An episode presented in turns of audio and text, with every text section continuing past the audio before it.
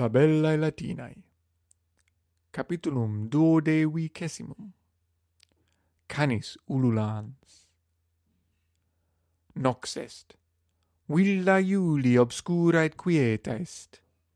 Omnes dormiunt. Parentes in magno cubiculo suo dormiunt.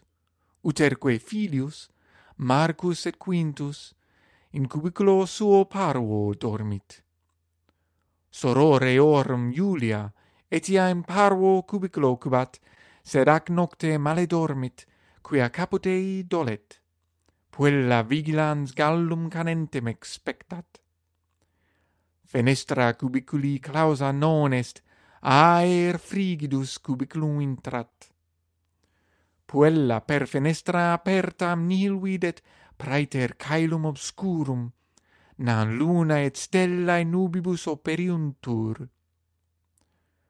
Julia nocte obscuram timet, ea enim solem et caelum clarum amat, horto et rosis delectatur.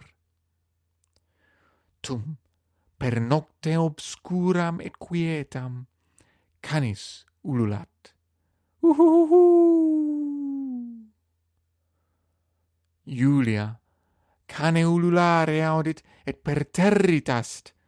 Capilli orrent, cor palpitat, puella in lecto se muere non audet, et clamat, mamma, veni!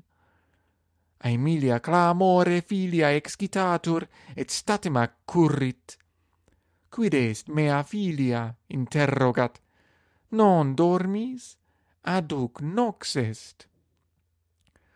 Julia Non dormio quod lupum timeo, audi mamma, lupus ululat, in orto nostro est lupus ferus. Aemilia canem rursus ululare audit, et non est lupus Julia, inquit. Est canis tua Margarita quae ululat. Num tu canem tuam times, Etiam Marcus et Quintus clamorem vocesque audiunt et cubiculum Iuliae intrant.